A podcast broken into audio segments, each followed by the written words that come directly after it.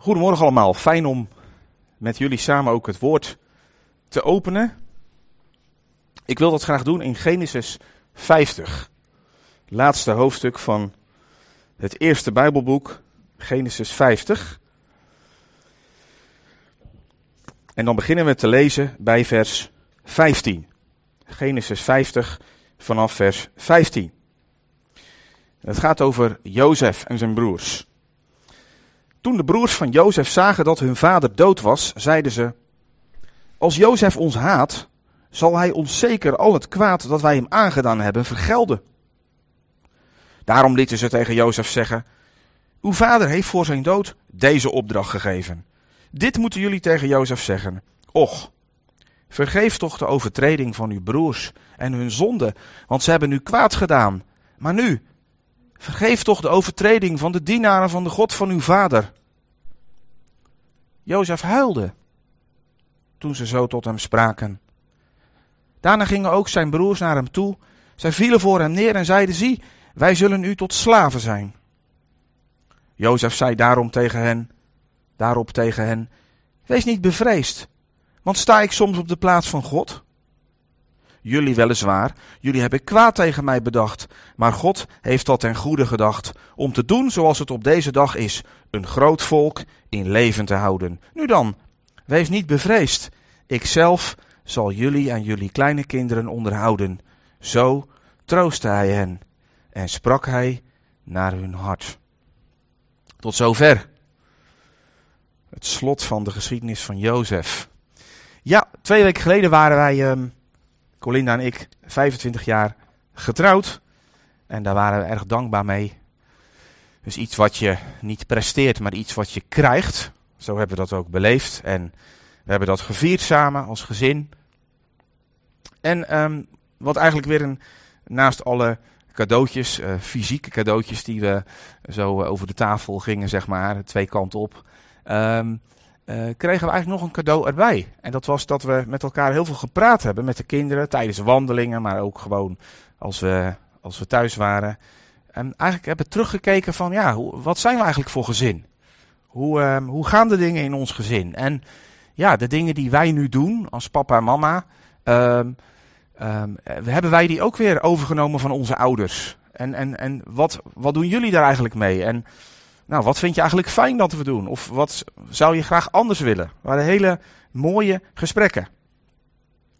En daar zijn we eigenlijk op voort uh, blijven borduren in onze gedachten. Ik heb veel met Colinda gepraat ook daarover de afgelopen weken. En zo kwamen we eigenlijk erbij dat, uh, dat, dat ik het ook mooi vind om hier ook over te spreken. Uh, het is een beetje een breed thema. we hebben het dus samen voorbereid. Ik mag het woord doen. Um, maar wat wij ons realiseren is, wat is de kracht van familie en van gezin? Ik denk dat familie, en we zijn allemaal, uh, komen, zijn allemaal verbonden hè, met een familie. We hebben misschien niet allemaal een gezin, maar we zijn allemaal verbonden aan een familie. Um, familie is een van de grootste vormende krachten in het leven van een mens. Van jullie en van mij. Een van de grootste vormende krachten. Daar moet je maar eens over nadenken. En daar wil ik eens een beetje op inzoomen. Het is geen studiepreek over dit gedeelte, exegese of zo. Maar wel een preek met de Bijbel open. En um, wat ik vooral heel fijn vind om te doen, en dat is natuurlijk door een stukje overdenking ook gegroeid, is om naast die grote vormende kracht, familie, gezin, ook die andere kracht te zetten, die nog groter is. En dat is de opstandingskracht van de Heer Jezus Christus. We horen allemaal bij een familie en die familie heeft een spoor getrokken in ons leven. En dat kunnen bepaalde gewoontes zijn, um, die je misschien nu ook doet. Um, um, zo uh, ben ik van jongs af aan gewend dat ik samen met mijn vader uh, zo rond de avond uh, naar het land reed en dan gingen we aardappels rapen. Dus zeg maar, die waren blijven liggen bij het oogsten. En dan uh, zak aardappels, kwam je thuis en dan had je weer aardappels te eten. En natuurlijk hadden wij ook het geld om ze te kopen. Maar mijn vader had de gewoonte om dat te doen. En het is leuk, dat, uh, dat, dat is bij mij altijd bijgebleven. Als je iets in de natuur vindt en het is eetbaar, dan neem je dat mee en dan benut je dat. En uh, een halfjaartje geleden hebben we met onze jongste kinderen ook aardappels geraapt. En dat vonden ze een hele ervaring, want je gaat zomaar iets rapen. Zijn we dan arm? Nee, we zijn niet arm, maar nou ja, dat is een heel oud gebruik dus in onze, in onze familie. Um, dingen verzamelen, praten over de Bijbel. Gebeurde ook in het gezin waar, uh, waar Colinda en ik allebei uitkomen. Dat doen wij nu ook met onze kinderen. Maar goed, ik noem nou hele positieve dingen. Hè, maar vanuit je familie kun je ook beschadigingen meenemen. Dingen die niet fijn zijn, maar die wel impact hebben op je leven. Of bepaalde herinneringen. En daarnaast zit je natuurlijk ook nog genetisch vast aan je familie. Je hebt bepaalde eigenschappen die je gewoon aan elkaar overdraagt, omdat je ook uh, de een geboren wordt uit de ander. Zo is in mijn familie bijvoorbeeld rood haar heel dominant. Dan heb ik toevallig geen rood haar, maar ik heb wel drie zussen en een broertje met rood haar. En ik heb ook tantes met rood haar. En zo zie je dat een kleur haar of een bepaalde vorm van een mond of uh, andere eigenschappen ook door kunnen gaan. Uh, muziek bijvoorbeeld is ook iets in onze familie wat heel uh, dominant is. We geven dingen aan elkaar door. Eigenlijk is een familie een, een, een ketting met allemaal schakels. En de ene schakel is weer de brug naar de andere schakel. Dat is het, het raamwerk even, het beeld eigenlijk bij deze preek. En als je nou de Bijbel openslaat en je wil een indruk krijgen van familieleven en, en hoe dat zo kan gaan, ja, toen kwam ik eigenlijk uit bij de familie van, uh, van Abraham, Isaac en Jacob en Jozef. Eigenlijk de geschiedenis vanaf Genesis 12 tot Genesis 50. En ik denk dat dat wel een van de langste familiekettingen is die we in de Bijbel tegen kunnen komen waar je een beetje mee kan blijven lezen, zeg maar, het verhaal. Um, ongeveer 350 jaar familieleven. En um, laat ik beginnen om te zeggen, het is natuurlijk heel verleidelijk als je dat allemaal leest, hoe de, welke keuzes die mannen en hun vrouwen soms maken. Uh, om daar een heel, uh, heel gelijk een heel verhaal van te maken. Van, oh ja, ze bedoelden natuurlijk dat en ze dachten natuurlijk dat. Ik denk dat we voorzichtig moeten zijn, want we weten ook heel veel niet van die 350 jaar. En van hoe ze precies in elkaar staken, wat, ze karakter, wat voor karakter ze hadden, enzovoorts, enzovoorts. Dus niet te snel profilen, denk ik.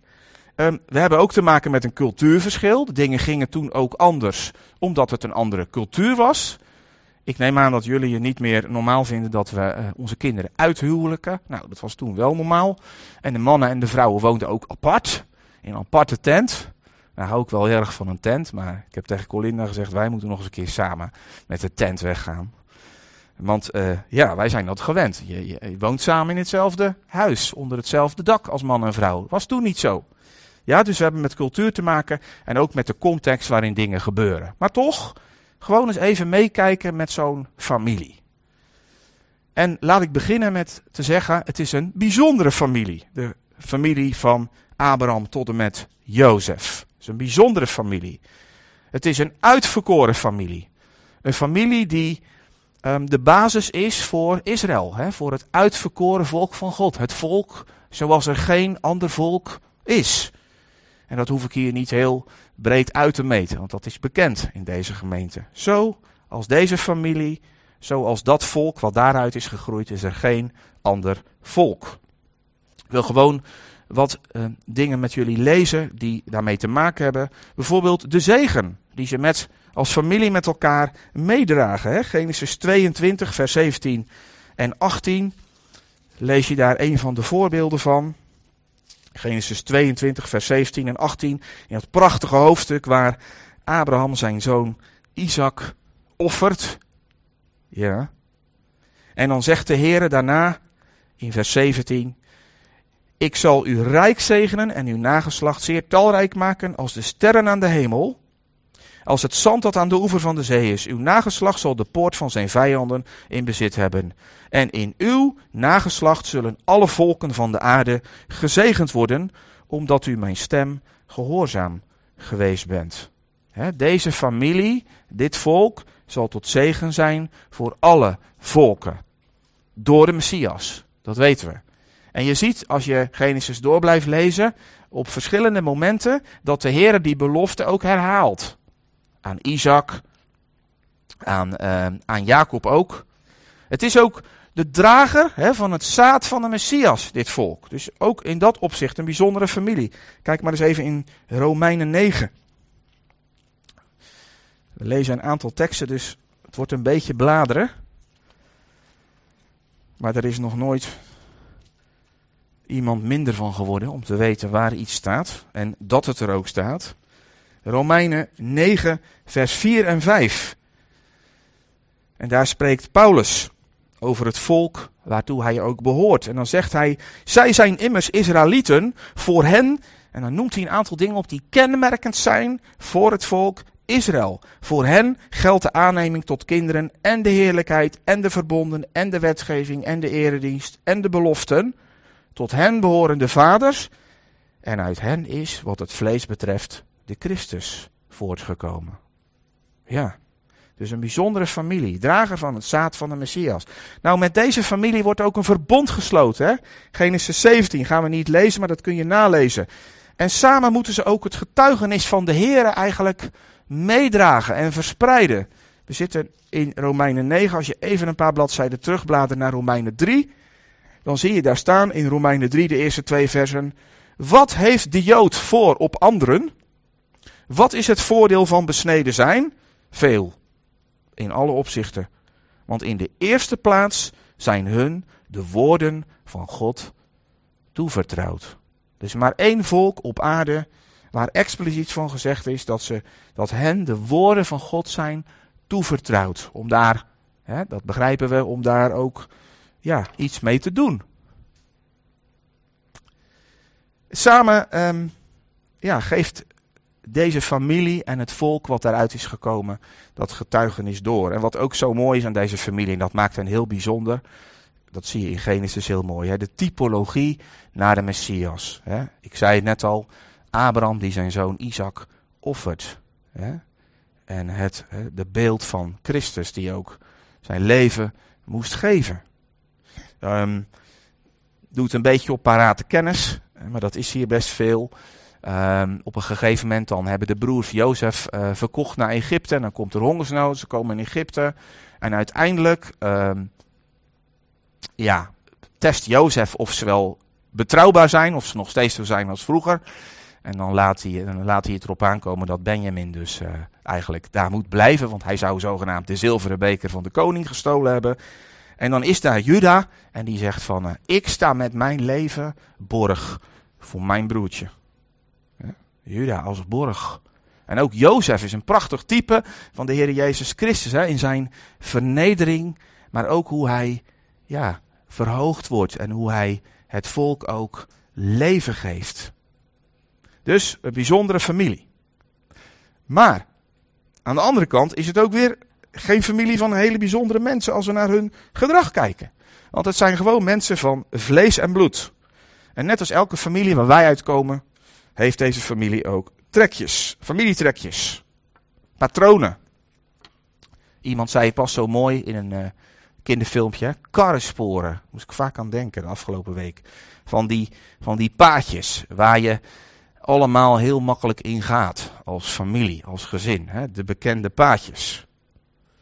Of bepaalde thema's die in een familie uh, ja, centraal staan. Zo heeft ook deze familie, de familie van Abraham, daarmee te maken. Opvallende thema's bijvoorbeeld. dat zie je wel eens bij, uh, bij families. Stel je voor, je hebt een familie die behoort tot een minderheidsgroep. dat, dat trekt een, een spoor in het leven van zo'n familie.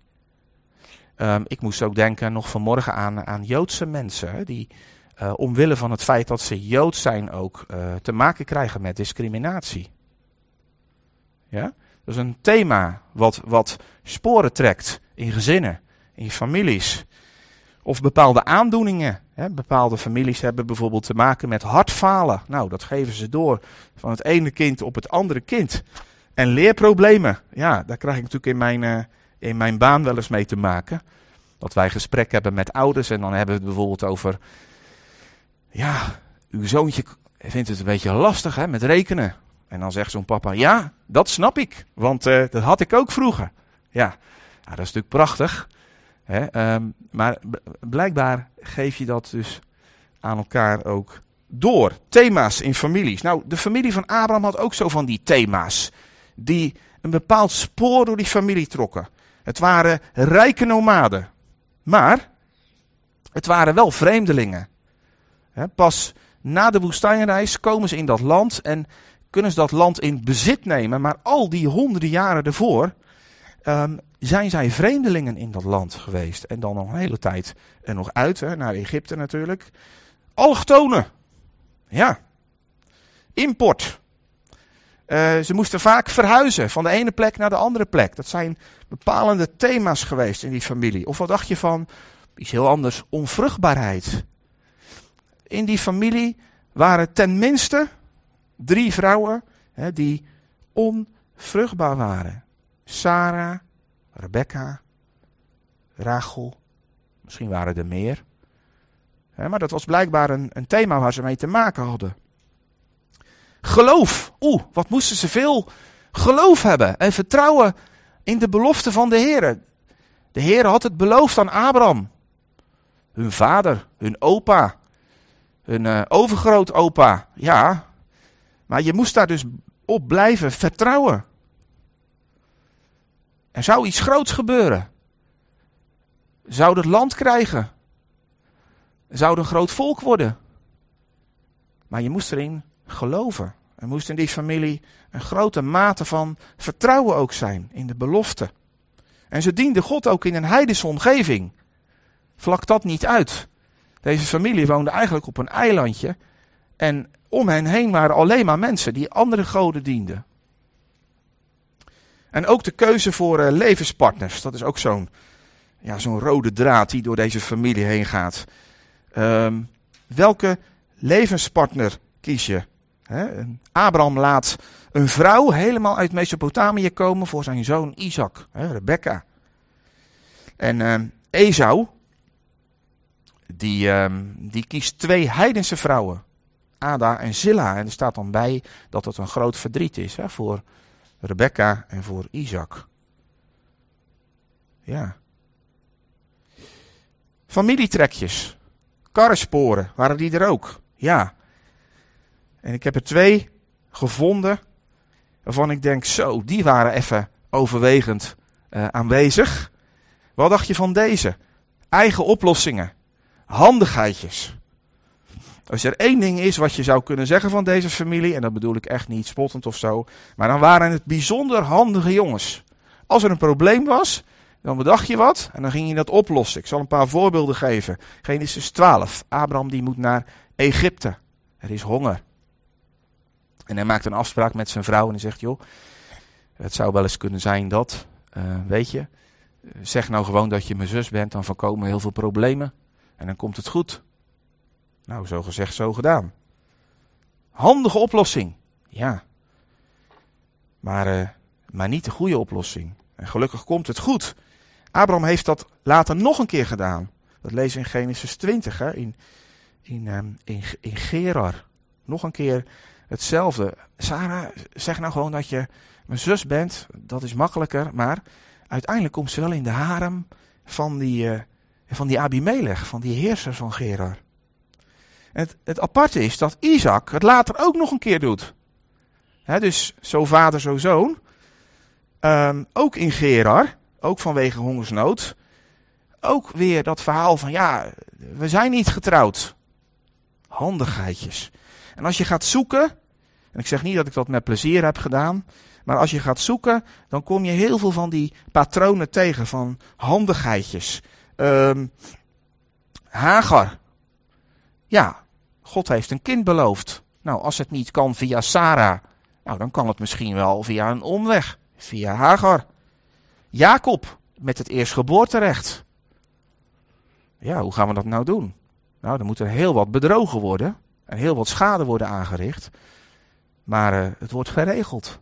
Hè? Op menselijke manier.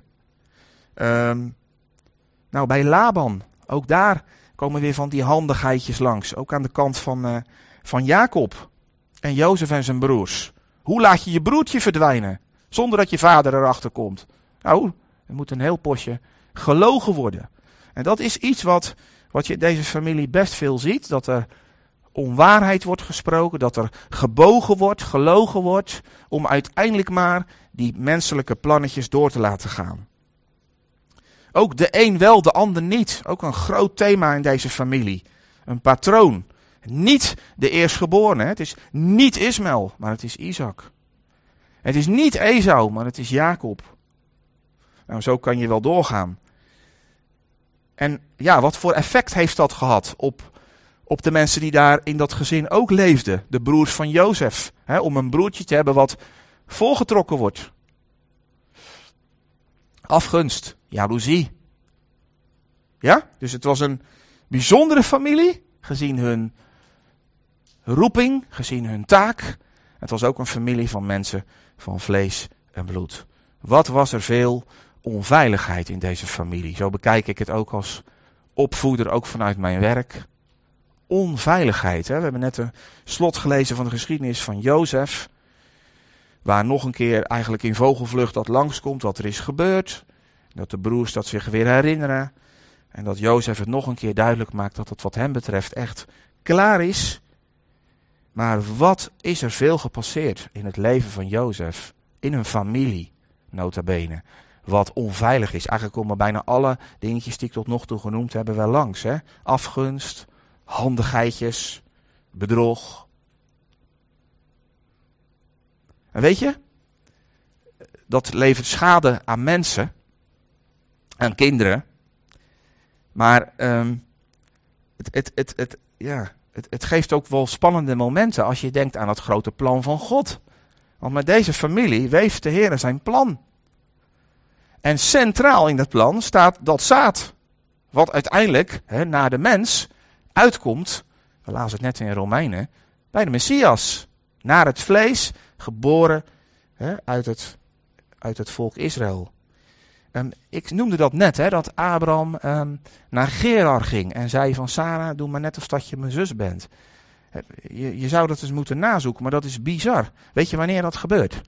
Dat gebeurt in het laatste jaar voor de geboorte van Isaac. In Genesis 18, dat is net voor de geschiedenis van Sodom en Gomorra, dan lezen we dat de Heer tegen Abraham zegt: Volgend jaar om deze tijd heb jij een kind. Volgend jaar om deze tijd. Nou, laten we er twaalf, na, twaalf maanden voor maken, toch? Dan komt de geschiedenis van Sodom en Gomorra. Genesis 20. Abraham gaat weer naar Gerar, haalt weer die truc uit. Sarah verdwijnt in de harem van een buitenlandse koning in het jaar dat het zaad verwekt moet worden. Ja, dat is wat. Daar krijg je kippenvel van op zulke momenten. Dan wordt het lijntje even heel smal. En het is dat de Heer er een stokje voor steekt. En de Heer eigenlijk ervoor zorgt dat Abimelech dit doorheeft. Anders zou het nog wel eens heel raar gelopen kunnen zijn naar de mens. Als Sarah in de harem van zo'n man misschien wel gewoon had moeten doen wat al die vrouwen in die harem daar moesten doen. Soms wordt het heel spannend. Kun je als familie het ook wel heel spannend maken voor God. Misschien een beetje krom gezegd, maar ik hoop dat jullie begrijpen wat ik bedoel. En dan denk je misschien, ja, maar je hebt het wel over Abraham, hè? De geloofsgetuige. Nou, daar doe ik ook helemaal niks van af, hè? Want uh, wat een prachtige getuigenis had ook Abraham van geloof, hè? Genesis 22. En lees je in Hebreeën 11, lees je een terugblik daarop dat hij Isaac heeft geofferd. Hè? Hij geloofde dat God machtig was om hem tot leven te wekken. Dus ik heb deze dingen allemaal niet gezegd om mensen maar even zwart te maken. Om even, ja, zij uh, hebben wel een groot probleem gehad in die familie. Nee, we moeten dat in evenwicht blijven zien. Maar het zijn wel mensen geweest. En weet je, als je dit zo allemaal overdenkt, dan, uh, ja, toen kwamen wij eigenlijk uit bij, ja, ons eigen gezin. En dachten wij, ja, misschien is het goed om daar ook samen eens over na te denken. Want familie is nog steeds hè, een aaneenschakeling van mensen. Het zijn schakels. Bij jullie, bij ons. En wij geven dingen aan elkaar door. Of we nou willen of niet. Misschien stoppen we wel eens dingen. Maar we geven ook heel veel dingen aan elkaar door. En daar wil ik een aantal toepassingen bij maken. En um, ik realiseer me heel goed dat wij niet het perfecte gezin zijn. Ja, als ik me daardoor zou laten leiden door die gedachte, dan zou ik hier helemaal geen eens willen staan. Nee, wij zijn niet het perfecte gezin. En toch ga ik hier staan, weet je. Want ik denk, denk dat niemand dat is. Ja? Maar dat hoeft ons niet te weerhouden om groot te spreken over wat God wil doen in ons leven. Ja? We staan hier niet voor onszelf, maar voor Hem. En laat ik eens beginnen met de ouders die aan het roer staan van een gezin. De kracht van een gezin is enorm sterk. Enorm sterk. Natuurlijk, er zijn andere factoren die kinderen vormen. Hè, de omgeving, vriendjes, vriendinnetjes. De meeste, de juf, eigen keuzes, die je uiteindelijk ook steeds meer gaat maken. Maar de invloed van een gezin is dominant. Dat kwam heel sterk bij mij naar voren om dat ook te benadrukken. En in de Bijbel lees je daar ook uh, hele mooie ja, indicaties eigenlijk voor. We kennen denk ik wel Psalm 78. Ik zal er een paar versen uit voorlezen. Psalm 78. Die wordt nogal eens aangehaald als het gaat om geloofsopvoeding. Nou, het gaat hier over het volk Israël. Maar wat staat daar? Psalm 78, vers 5. Hij, de Heere, heeft een getuigenis ingesteld in Jacob, een wet vastgesteld in Israël. Die heeft hij onze vaderen geboden om ze hun kinderen bekend te maken. Je ziet de ketting al voor je in gedachten. Opdat de volgende generatie ze zal kennen. De kinderen die geboren zullen worden. En zij opstaan en ze weer aan hun kinderen vertellen. Wat wil ik hiermee zeggen? Wat hier staat gaat helemaal uit van de gedachte dat gezin, familie een enorme sterke impact heeft. Want de ene schakel geeft het aan de andere door. Dat is een gedachte die heel sterk hier ligt, maar ook in veel meer plaatsen in de schrift. Hoe vaak lezen wij in de Bijbel de uitspraak zoals jullie vaders ook deden? Dat is ook weer zo'n bewijs daarvan. Blijkbaar zijn dat hele sterke kettingen die allerlei dingen door kunnen geven. En ook in het Nieuwe Testament las ik daar een mooi voorbeeld van. Dan gaan we naar de Efezebrief, Efeze 6. Aan het eind van de Efezebrief worden nog wat dingen gezegd over, over ouders en kinderen. Efeze 6, de eerste vier versen. En dan staat er, vaders, wek geen toorn op bij uw kinderen, maar voed hen op in de onderwijzing en de terechtwijzing van de Heer. Voed hen op, als het ware niet voor jezelf, dat ze naar jou luisteren. Nee, dat ze door wat jij met hen doet heen gehoorzaam worden aan de Heer. Maar ook hier zit weer de duidelijke gedachte achter dat blijkbaar dat ook mogelijk is. De sterke kracht van het gezin. Blijkbaar kun je als vaders, en ik kan hem ook wat breder maken misschien, als, als ouders, kun je je kinderen opvoeden in het dienen van de Heer. Dat is een sterke gedachte. De basis van deze tekst. Dus gezin is enorm sterk. En ik zie dat ook in mijn, uh, in mijn werk wel terug. Als je niet zomaar patronen doorbreekt. En dan sta ik hier natuurlijk ook als, als uh, schoolmeester. En uh, als je mij een beetje kent, dan weet ik dat ik altijd vol ga voor alle dingen. Dus reken maar dat ik ook heel vol ga in mijn klas, in onze klas, om kinderen dingen te vertellen. Zeker als het gaat om het woord van God. Maar ja, we merken dat toch ook wel dat uh, de kracht van het gezin waaruit een kind komt heel groot is. En ik wil daar niet gelijk negatief over doen, want dat is ook iets moois. Hè, maar de kracht is groot. Kinderen zeggen wel eens: Ja, mees, maar mijn vader zegt. Ja, het heeft iets moois, hè? Dat een kind blijkbaar niet zomaar aanneemt wat die meester zegt. Ook al zou ik dat soms heel graag willen. Ja, mijn vader zegt. Ja, dat zei, uh, dat zei Jesse vroeger ook vaak. Mijn vader zegt. Daar werd ik altijd heel trots. Ach, van yes. Maar dat bracht hem ook wel eens in de problemen volgens mij. Want ja, wat zegt vader dan? Ja. Maar dat is mooi als kinderen dat zeggen. Ik, ik wil dat positief duiden. Maar het geeft weer aan. Gezin is een hele sterke kracht. Kinderen houden heel lang de dingen vast die ze in een gezin krijgen aangereikt. De appel valt niet ver van de boom. En uh, zoals de ouders zongen, piepende jongen. Al is het maar piepen, hè, maar het lijkt op wat de ouders deden. We kunnen kinderen niet afschermen voor de wereld om ons heen. We staan midden in een maatschappij en ik denk dat onze missie is als opvoeders. Ik heb nog even dat perspectief van ouders die kinderen op te voeden hebben.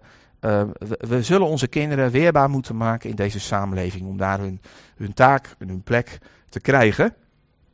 Um, dus ik zou zeggen, laten we nou dat sterke gegeven, dat een gezin een enorm sterke kracht is, laten we dat benutten. Ja? Benutten. Um, wat zetten we tegenover de dingen die ook graag de aandacht van onze kinderen trekken? Inderdaad, het wordt wel vaker gezegd hier, de media, uh, dingen die op ons afkomen. Of in het onderwijs bepaalde invloeden. En lespakketten en lesprogramma's die vanuit de overheid steeds meer ja, een plek moeten krijgen in het onderwijs. Daar kunnen we, kunnen we ons grote zorgen om maken. Laat dat duidelijk zijn. Maar vanuit dit thema zouden we kunnen zeggen: benutten we dan ook die grote kracht van het gezin? Van het godvrezende gezin. Hè? Een gezin waar een papa en een mama zijn die de Here willen dienen vorming van het zelfbeeld van je kinderen. Hè? Hoe, hoe, hoe, hoe vorm je je kinderen? En ik, ik zou ik een spiegel neer moeten zetten hier. Om zelf ook die vraag steeds weer tot me door te laten dringen. Die ik misschien aan jullie stel. Het is zo makkelijk om iemand af te branden. Hé, hey, je doet het weer fout. Hé, hey, weer fout. Hé, hey, pas op hè. Hé, maar vormen we, uh, geven we vormende, hè? aanmoedigende feedback. Het godsbeeld, ook zoiets. De vorming van het godsbeeld. Geloofsopvoeding. Dat is een van de belangrijkste dingen die we moeten doen. Misschien wel het belangrijkste. Dat we ons realiseren, gezin is een hele sterke kracht. Maar er is één kracht die er overheen gaat. En dat is de kracht van genade. Genade is de allersterkste opvoeder in deze wereld. Die bewering durf ik wel aan. Ik moet denken aan die tekst uit 1 Korinthe 15, als Paulus zegt, heel, heel, heel relaas, en dan zegt hij uiteindelijk, maar door de genade van God ben ik wat ik ben. En ik las ook zo'n mooi stukje in, uh, in Titus 2. Titus 2, ik heb het even niet meer helder wat daar nou staat, dus ik zoek het even op. Titus 2, vers 11 en 12.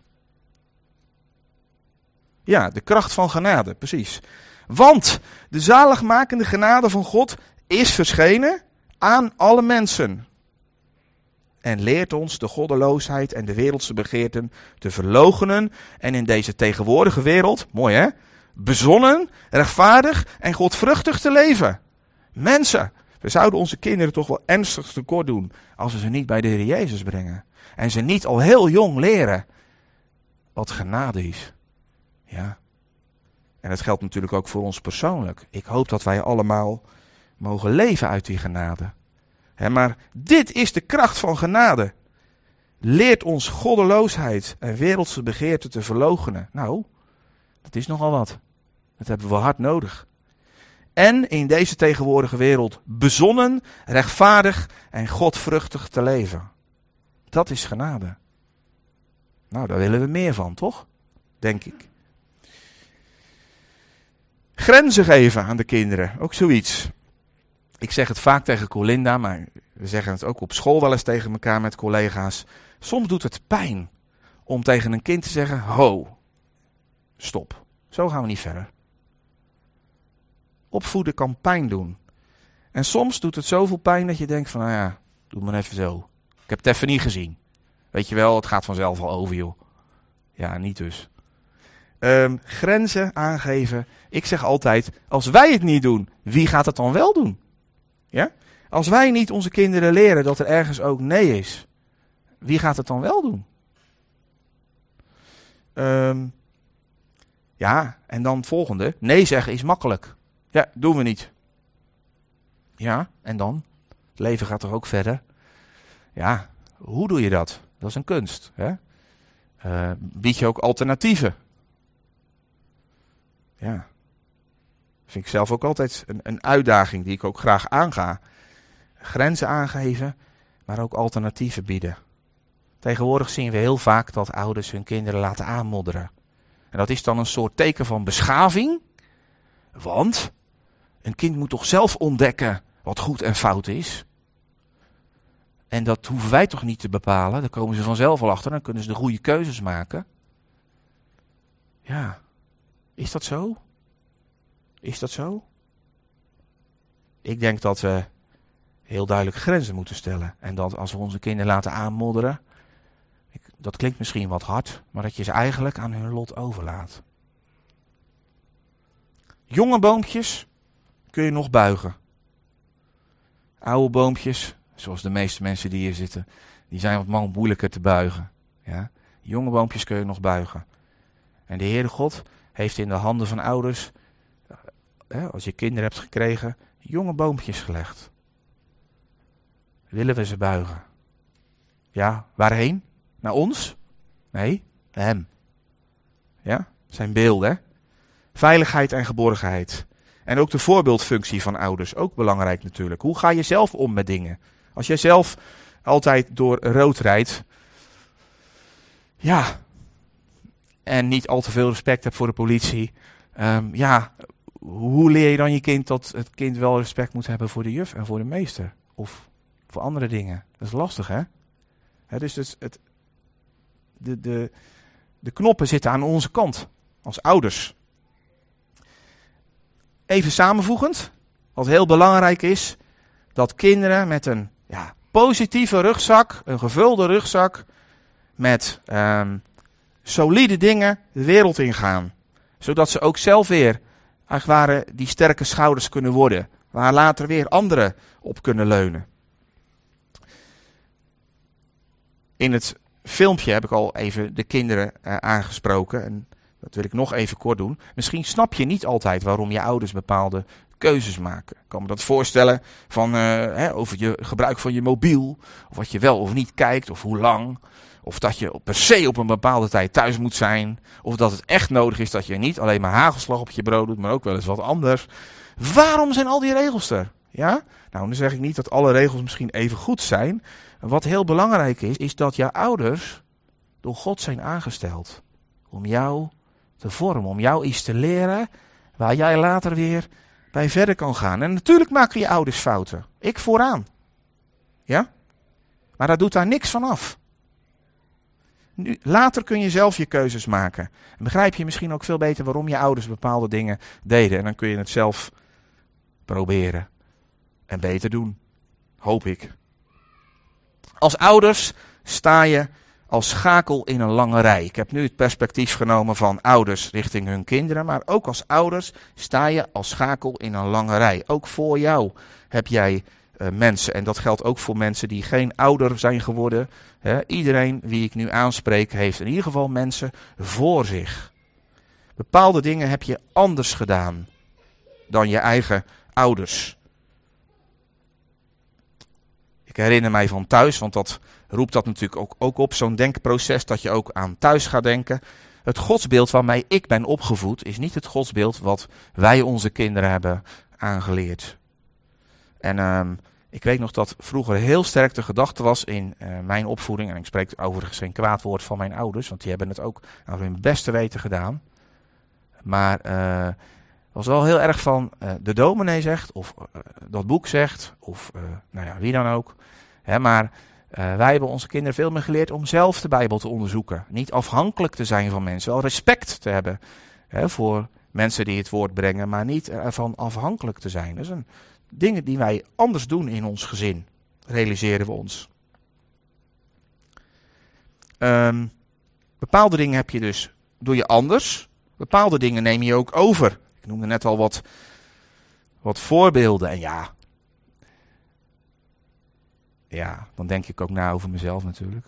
Hoe je dingen doet. Waarin ik op mijn vader lijk. Ze zeggen tegen mij, uh, je lijkt wel erg op je vader. Nou, niemand van jullie kent bijna mijn vader natuurlijk. Maar als je me zou zien, dan zou je zien, ja, je lijkt wel echt heel erg op zijn vader. Um, maar ook in gedrag merk ik wel dingen waarin ik op mijn, uh, mijn vader lijk. Ja. ja. Uh, bijvoorbeeld, um, um, hoe werden dingen uitgepraat hè, vroeger? In het gezin waar ik, waar ik uitkom, daar werden dingen echt heel erg breed uitgemeten. Met alle vuur en vlammen erbij, zeg maar. Um, daar werden de dingen gewoon opengegooid. En nou, daar spetterde het natuurlijk wel eens. Nou, uh, Colinda komt uit een gezin waar het anders ging. Ik geef daar geen waardeoordeel aan overigens. Maar elk gezin heeft daar weer zijn eigen kleur. Ja, en samen moeten we daar weer een weg in zoeken, zeg maar. En soms merk je wel eens dat dingen die je vroeger hebt geleerd als kind dat je die nu eigenlijk nog steeds zo doet. Het zou goud zijn dat we de dingen vasthouden die in die rugzak, uit, uit de geslachten voor ons, die in die rugzak van je kinderen eigenlijk weer verder moeten gaan. Welke dingen dan? Nou, vooral dingen die hen sterk maken, die krachtig zijn als het gaat om het dienen van de Heer. Die moeten in die rugzak blijven zitten. Ehm, de dingen die ruimte geven aan het werk wat de Heere God wil doen in jouw gezin en in het leven van je kinderen. Bijvoorbeeld uh, maaltijden. Hè? Gewoon de tijd nemen om met elkaar te eten, met elkaar te praten, kan soms heel praktisch zijn. Eenvoud, tevredenheid. De Bijbel open doen en gewoon praten over wat je voelt en wat je denkt als je het hebt over de Heer God. Ik weet nog dat in mijn jeugd dat, dat, dat mijn ouders heel lang, denk ik, uh, formuliergebeden ook uh, opzeiden. En nogmaals, dat is ook geen waardeoordeel. Maar op een gegeven moment gingen ze ook in hun eigen woorden bidden aan tafel. Nou, dat was, dat was nieuw. Dat was nieuw. En dan hoorde je iets van emotie. En dan hoor je iets van wat het met hen deed. Het is iets om, om vast te houden in je gezin. Om in die rugzak mee te geven. Als we het hebben over de Heere God, dan praten we daar ook over. Dan proberen we dat ook te verwoorden. Praten over familie is nooit volledig. En dat, dat uh, zei ik vooraf al tegen, tegen iemand. Um, maar dat, dat weerhoudt me dan soms ook om zo'n preek als deze te houden. Want je kan niet volledig zijn. Dus ik wil er een paar dingen bij noemen. Als eerste. Ik zei net, gezin is een enorme sterke kracht. Die heel erg ook positief benut kan worden. Maar als wij onze kinderen opvoeden voor de Heer, met de Heer, wil dat niet zeggen dat het altijd goed gaat. En dat is net zo goed waar. Ja? Daar zie je ook in de Bijbel voorbeelden van. Ik moest denken aan Hiskia, een godvrezende koning. Een van de meest godvrezende koningen. En zijn zoon Manasse, nou die deed werkelijk alles wat zijn vader nooit zou doen. Ik heb er wel één ding bij geleerd door de jaren heen. Dat is dat, uh, stel dat een kind andere wegen inslaat. Dat heb ik niet in mijn eigen gezin gezien, maar dat zie ik wel om me heen. Stel dat een kind andere wegen inslaat. Dat het wel belangrijk is dat we ons realiseren op welke termijn wij eigenlijk denken. het is natuurlijk mooi om voordat je kinderen de deur uit zijn al te zien dat ze de Heer willen dienen. En dat ze zo verder gaan, toch? Dat willen we allemaal. Dat ze nog dicht bij ons zijn. Het kan best wel zijn dat iemand een hele slinger maakt in zijn leven. En pas veel later, uiteindelijk, na die zoektocht, de Heere leert kennen. Soms is ons kijkraampje kleiner dan het kijkraampje van de Heere God. Dus dat vraagt ook wijsheid als kinderen eigen keuzes maken. Tweede, ook als je geen kinderen hebt, want we hebben het nu natuurlijk heel veel over ouders en kinderen gehad. Ook als je geen kinderen hebt, kun je een geestelijke erfenis nalaten voor uh, in die rugzak van kinderen. En daar een bijdrage aan leveren. Ja? Um, bij onze kinderen is dat zeker gebeurd. Een heel stuk van hun vorming hebben zij ontvangen van jongelui die medewerker waren op een gezinskamp. Die uh, iets deelden over hun geloof, die hen enthousiast gemaakt hebben. Daar kwamen wij als ouders helemaal niet bij het pas. Nou, ook in onze gemeente hebben we jongerenwerk, kinderwerk. Reken erop dat dat een enorme impact heeft. Wat ook buiten ons als ouders om kan gaan, maar wat wel bijdraagt aan die rugzak. Ja? Om de Heer te dienen. En ik ken heel wat mensen, ook mensen die niet getrouwd zijn, die zoals zij met kinderen omgaan, die zo mooi laten zien eigenlijk hoe de Heer Jezus is. In hun geduld, in hun volharding, in hun liefde. Ja, dus ook als je geen kinderen hebt. En weet je wat het mooie is? Binnen de gemeente van God wordt iedereen ingeschakeld. Iedereen wordt ingeschakeld bij het bouwen aan generaties. Dat is weer het unieke aan de gemeente. Titus 2, uh, daar staat dat ook, hè, dat oudere mannen weer een functie hebben voor jongere mannen en oudere vrouwen voor jongere vrouwen. Nou, er staat niet expliciet bij dat dat ook getrouwde oudere mannen of oudere vrouwen moeten zijn. Dus ik neem het maar zo breed mogelijk. Maar iedereen wordt ingeschakeld in de gemeente. En dat is iets unieks. En hou dat ook vast voor die schakels. We mogen allemaal In alle stukjes die we doen, een voordienst, een stukje kinderwerk, een filmpje maken. Ook voor kinderen van anderen. We worden ingeschakeld om die rugzak van die kinderen te vullen. Tot nog toe heb ik eigenlijk alleen maar positieve dingen gezegd over die ketting. Dingen die positief zijn, hè, de mooie kanten. Maar het kan ook heel anders gaan. En dat zie je ook weer, en dan gaan we weer terug naar Genesis. Dat zie je ook heel erg in, het, in de familie van Abraham, Isaac, Jacob en Jozef. Karrensporen, patronen, die elke keer weer zo gaan en die veel verdriet en veel schade uh, opleveren voor, voor, voor individuen, hè, maar die ook weer blijkbaar heel makkelijk doorgegeven worden. En zo is dat nog steeds zo. Dat kan nog steeds dat die ketting eigenlijk alleen maar schadelijke dingen doorgeeft. Bijvoorbeeld negatieve feedback. Kan heel veel schade hebben voor dat kind. Maar ook weer voor hoe dat kind weer later, als die kinderen krijgt, zelf ook weer daarin staat. Altijd maar kritiek op dingen hebben. Je hebt van die families, en bedoel ik niet veroordelen, maar ze zijn er gewoon. Hebben ze altijd kritiek op alles. Dat geef je door aan je kinderen. Dat is een houding. Um, kinderen die altijd hun zin krijgen, of heel vaak hun zin krijgen. Of denk aan drank, hè, alcoholische drank, of, of, of occulte dingen. Occulte dingen kunnen ook grote ja, patronen zijn die in families doorgaan. Of godsbeeld, een verkeerd godsbeeld. Ik heb toch wel zelf heel lang het gevoel gehad. Ik denk niet dat mijn ouders dat bedoelden overigens, maar dat was wel de conclusie die ik trok. Uh, dat God ja, eigenlijk toch niet zo mij zag staan. Ik bedoel, het kon voor iedereen, maar niet voor mij. En ja, een soort een, grillige God die ja, naar zijn willekeur uh, mensen wel of niet zou behouden. Dat heeft mij heel lang uh, parten gespeeld. Maar dat heb ik meegekregen vanuit mijn jeugd. Of eten, hè? gezinnen waar, waar ongezond gegeten wordt, dat, dat wordt steeds doorgegeven. Dus patronen van die familie, die sterke kracht, die maar heel de tijd mee blijven gaan. En als je dan weer naar Jozef kijkt, en dan kom ik even bij dat gedeelte nog wat we hebben gelezen. Als je dan weer naar Jozef kijkt, ja, dan zie je iets prachtigs, iets opmerkelijks. En dat is wat ik vooral voor het slot van deze preek heb bewaard. Je ziet een groot keerpunt in het leven van Jozef. Als we hier Jozef horen spreken in, die, in dat stukje wat we hebben gelezen, maar ook al eerder, als hij zijn broers zeg maar zich bekend maakt aan zijn broers, dan zie je dat Jozef eigenlijk de dingen die gebeurd zijn, dus dat ze hem eigenlijk wilden vermoorden, dat hij in Egypte terecht is gekomen, nog dieper in de put, nog veel meer ellende meegemaakt, uiteindelijk onderkoning, dat hij zegt van, hé hey jongens, luister eens, wat er allemaal is gebeurd, dat heeft de Heer God gebruikt om om eigenlijk ons volk, dat volk met die belofte, in leven te houden. Hij ziet de dingen in een groter verband. En dat zeg ik nu heel snel, hè? En misschien denk je wel, ja, dat is wel mooi gezegd. Dat zal misschien ook wel waar zijn. Maar dat is nogal wat wat je zegt. Als je midden in de ellende zit en je hebt te maken met heel veel dingen die zijn gebeurd. Ook door toedoen van anderen. En jij zegt dan, je moet ze wat in een groter verband leren zien. Nou, de realiteit is dat de Heer hem helpt om de dingen in een groter verband te zien. dat doet Jozef niet uit eigen kracht. En tegenover al dat kwaad van zijn broers zet hij vergeving. Hij zegt het hier nog een keer.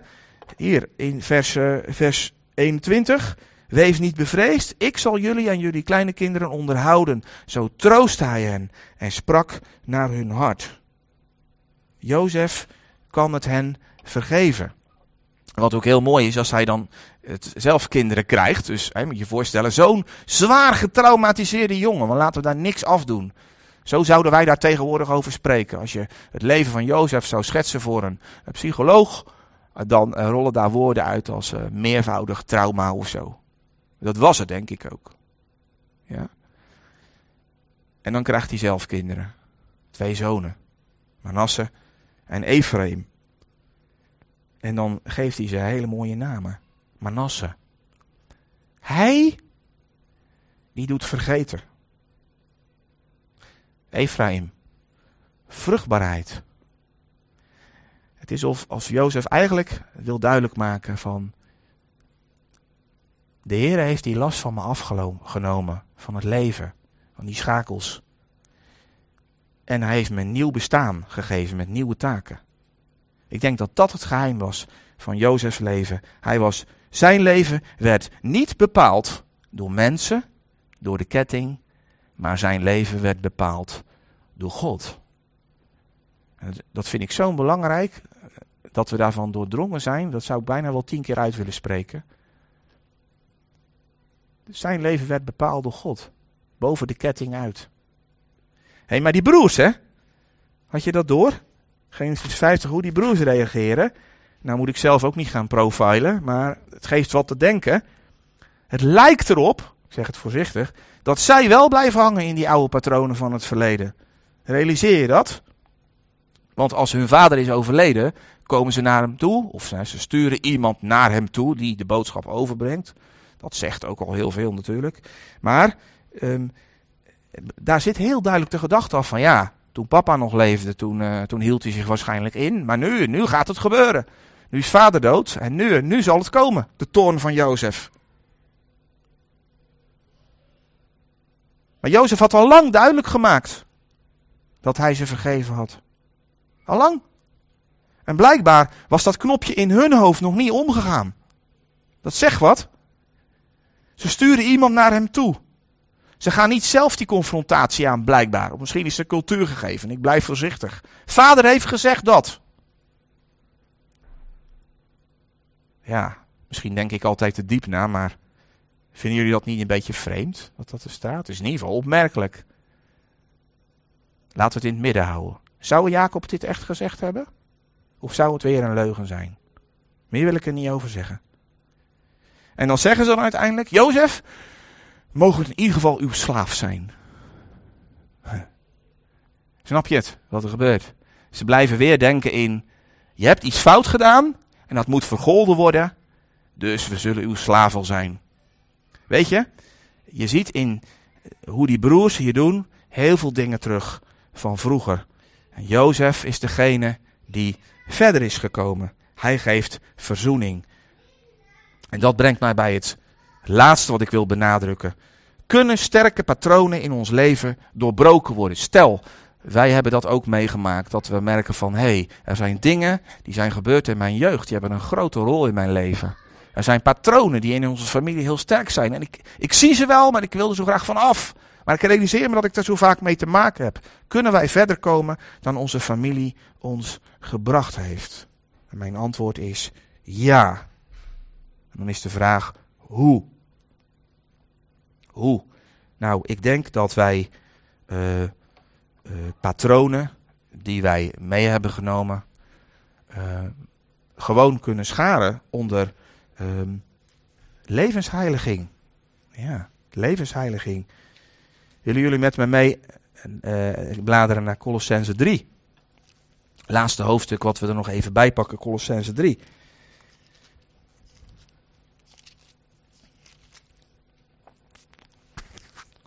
Familiepatronen zijn, als het om verkeerde dingen gaat, hè, zondepatronen. En die vallen gewoon binnen een standaardwerk van God. Misschien zeg ik het iets te scherp, maar vallen binnen de standaard aanpak van God van het heiliging van ons leven. Is het je wel eens opgevallen dat in Colossense 3 vers 5 die zonden die daar staan, Ontucht, onreinheid, hartstocht, kwade begeerte, hebzucht. Wij lezen dat vaak als individuele zonde. Maar realiseer je eens hoeveel van deze dingen die hier staan zich heel goed lenen voor familiepatronen. Die je steeds weer aan elkaar doorgeeft. En kijk eens in vers 8. Leg af toorn, woede, slechtheid, laster, schandelijke taal. Realiseer je hoeveel van deze woorden zich heel goed lenen voor familiepatronen, die gezinnen ook aan elkaar doorgeven. Nou, als het om deze ding gaat, waarvan de Heer duidelijk zegt, als je dan, hè, vers 1, met Christus opgewekt bent, als je dan dat nieuwe leven hebt, dan horen die dingen er niet bij. Ja, maar wat moet ik dan doen? Hetzelfde als voor alles geldt, wat niet is naar de wil van de Heere. Vers 5. Dood uw leden die op de aarde zijn. Hè? Dood die zonde, ontneem ze hun zuurstof. Vers 8. Leg af. Vers 12. Bekleed u dan. Hè? Doe aan. Dus leg af, doe aan. Dat is de ja, standaard boodschap van levensheiliging die de Heer voor ons heeft. Wie we ook zijn, wat we hebben meegemaakt, hoe sterk de krachten ook zijn de andere kant op in ons leven. Dat is de boodschap. En waarom? Want, Bastien, realiseer jij je wel hoe sterk dingen kunnen zijn die je meekrijgt van vroeger? Ja, natuurlijk realiseer ik me dat. Maar wat, is, wat maakt het legitiem dat ik dit zeg? Nou, dat zijn die eerste versen van Colossense 3. Als je nu met Christus opgewekt bent, zoek de dingen die boven zijn, waar Christus is die aan de rechterhand van God zit. Bedenk de dingen die boven zijn, niet die op de aarde zijn. Want u bent gestorven en uw leven is met Christus verborgen in God. Dat is de enige reden waarom ik dit durf te zeggen. De kracht van het gezin, de kracht van de opstanding, de kracht van Christus in ons leven. En weet je, dat kan niemand voor jou regelen of fixen. Om dat af te leggen of aan te doen. Dat is een uitnodiging die de Heer aan ons doet. Als we zeggen dat we bij Hem willen horen, als we in Hem geloven, dan zegt het, woord, dan ben je met Christus opgewekt. Dan ben je met Christus verborgen in God. Dan heb je dat nieuwe leven. Dan heb je die opstandingskracht ter beschikking. En dan zegt de Heer, dan kun je dus ook afleggen en aandoen. Ook als er sterke patronen zijn. En natuurlijk, bij het ene is de strijd pittiger dan bij het andere. Dat begrijp ik ook. En bij het ene heb je misschien ook sneller ook andere broeders en zusters nodig die je kunnen aanmoedigen en helpen. Maar uiteindelijk help je elkaar alleen door samen bij die bron te komen die hier beschreven staat. Dat is de hoop van de opstandingskracht. En dat maakt mij zo blij. Alleen dat woord al, de opstandingskracht. We zijn het gewend om elk jaar een hele poos na te denken over het lijden van de Heer Jezus Christus. En ik zeg daar niks uh, verkeerds over of zo. Dat zijn we gewend en dat is een goede gewoonte, denk ik.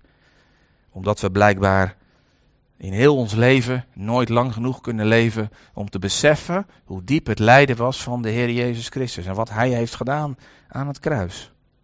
Maar er is nog één ding, wat ik vaak merk bij mezelf, maar ook bij anderen, dat dat dat dat accent nodig heeft. Mensen, dat is het accent van Pasen. Het accent van de opstandingskracht. Want daar begint uiteindelijk het nieuwe leven. En daar zit het geheim voor een nieuw leven, wat anders is dan het oude leven. Door de genade van God ben ik wie ik ben. Efeze 2, vers 10 zijn bekende teksten. Wij zijn zijn maaksel, geschapen in Christus Jezus om de goede werken te doen die Hij in ons heeft voorbereid. Dat gaat voorbij aan alle kettingen.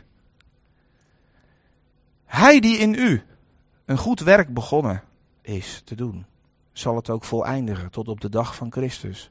Dat gaat voorbij aan alle kettingen. Dat is de kracht van de opstanding. Uit welke je familie je ook komt, wat je ook hebt meegemaakt. Je kunt en je mag het anders gaan doen. In verbondenheid met Christus. Dat is een nieuwe schakel, hè? Niet de schakel van die oude Adam, maar die schakel van die nieuwe Adam. Ja. Poeh. Ik kan me voorstellen dat als je dit als ouders hoort, dat je denkt van nou, dat is nogal wat. Uh, we voeden kinderen op en uh, heeft dat dan wel kans? Want we leven allemaal in gebrokenheid en we maken allemaal fouten. Ik zou je graag willen bemoedigen. Bemoedigen. Ga door. Aan de hand van de meester, de grote meester, mogen we kinderen opvoeden. Ja, zeker weten. Natuurlijk maken we fouten. Maar dat is voor hem toch geen bezwaar om jou in te schakelen? Hij heeft je ingeschakeld.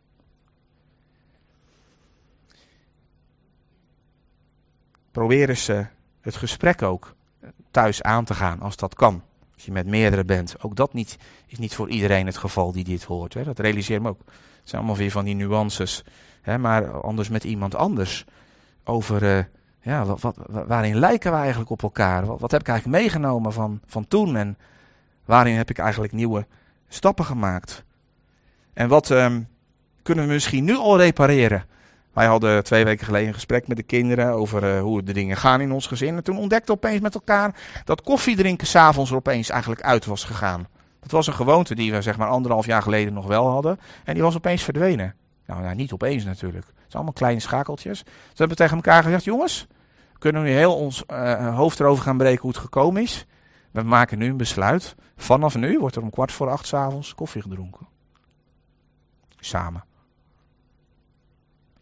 Nou, uiteindelijk is het kwart over acht geworden. Maar uh, het is gebeurd. Ja? En dat, dat levert uh, het op.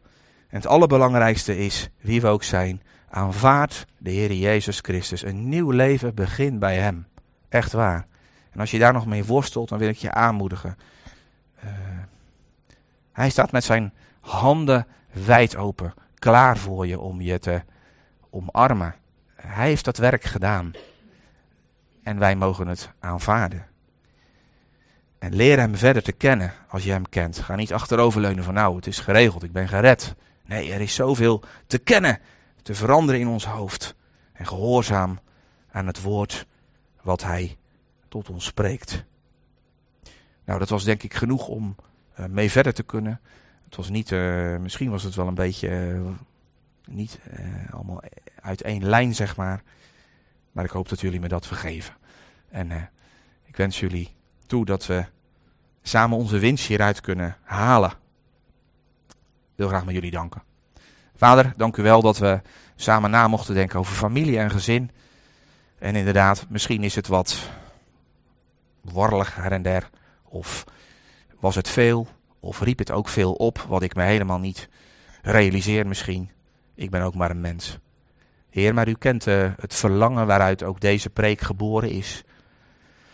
Om hier aandacht voor te vragen. We zijn een gemeente met veel kinderen. En sowieso, we zijn allemaal, staan we weer op de schouders van anderen. Mensen voor ons. Heren, u weet wat deze preek bij ons heeft opengemaakt. Misschien wel herinneringen. Mooie dingen, nare dingen, Heren, wij hebben ook elkaar nodig als gemeente. Misschien in ons gezin, maar in het grotere geheel ook als gemeente. Om met elkaar dit ook te verwerken. Help ons daarbij in de gesprekken. Heren, we hebben het tot slot gehad over die grote kracht, de allergrootste kracht, de opstandingskracht van een nieuwe leven. En daar willen we u voor danken. Heren, wat zijn we als mens zwak? Wat zijn we kwetsbaar? Wat kunnen we aan dingen vastzitten? Heren, maar er is één kracht. En dat is de opstandingskracht. Die nieuw leven geeft uit de dood. Die kracht geeft om door te gaan. Die kracht geeft om te breken met patronen, met karrensporen. Heren, dank u wel dat die kracht beschikbaar is. En ik bid zo, heren, dat u iedereen die daar nog mee worstelt misschien, of dat voor hem of haar is, om die ook de vrijmoedigheid te geven, om de hand ook te leggen op die prachtige zin. Het is volbracht. Vader, uw naam zij geprezen. Amen.